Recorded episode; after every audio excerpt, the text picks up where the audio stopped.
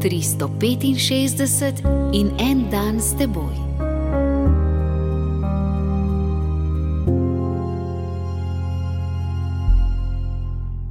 Iz pisma Rimljanom, sedmo poglavje, 18 in 19 vrstica.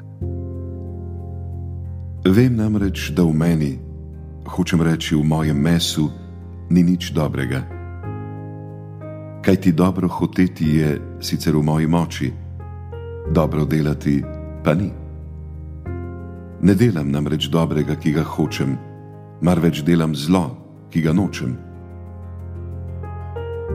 Brez dramatičnega izkustva nasprotja med hotenjem, da delamo dobro in slabimi dejanji, ne bi iskali Boga. Kako lepo bi bilo živeti brez dreves s prepovedanimi sadeži.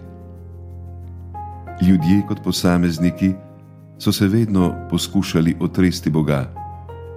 To je izvidni greh. V zadnjih stoletjih pa vidimo, da ljudje poskušajo zavrniti Boga kot celota, kot družba.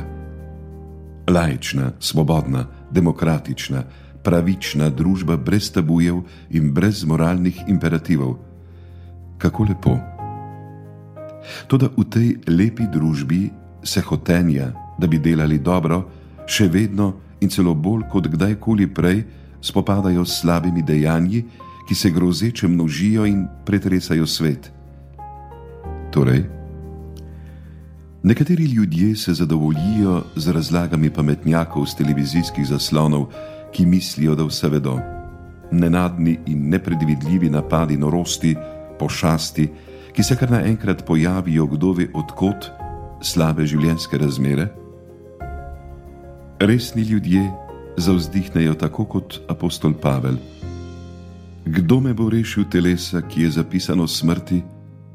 Zahvaljen bodi Bog po Jezusu Kristusu, našem Gospodu.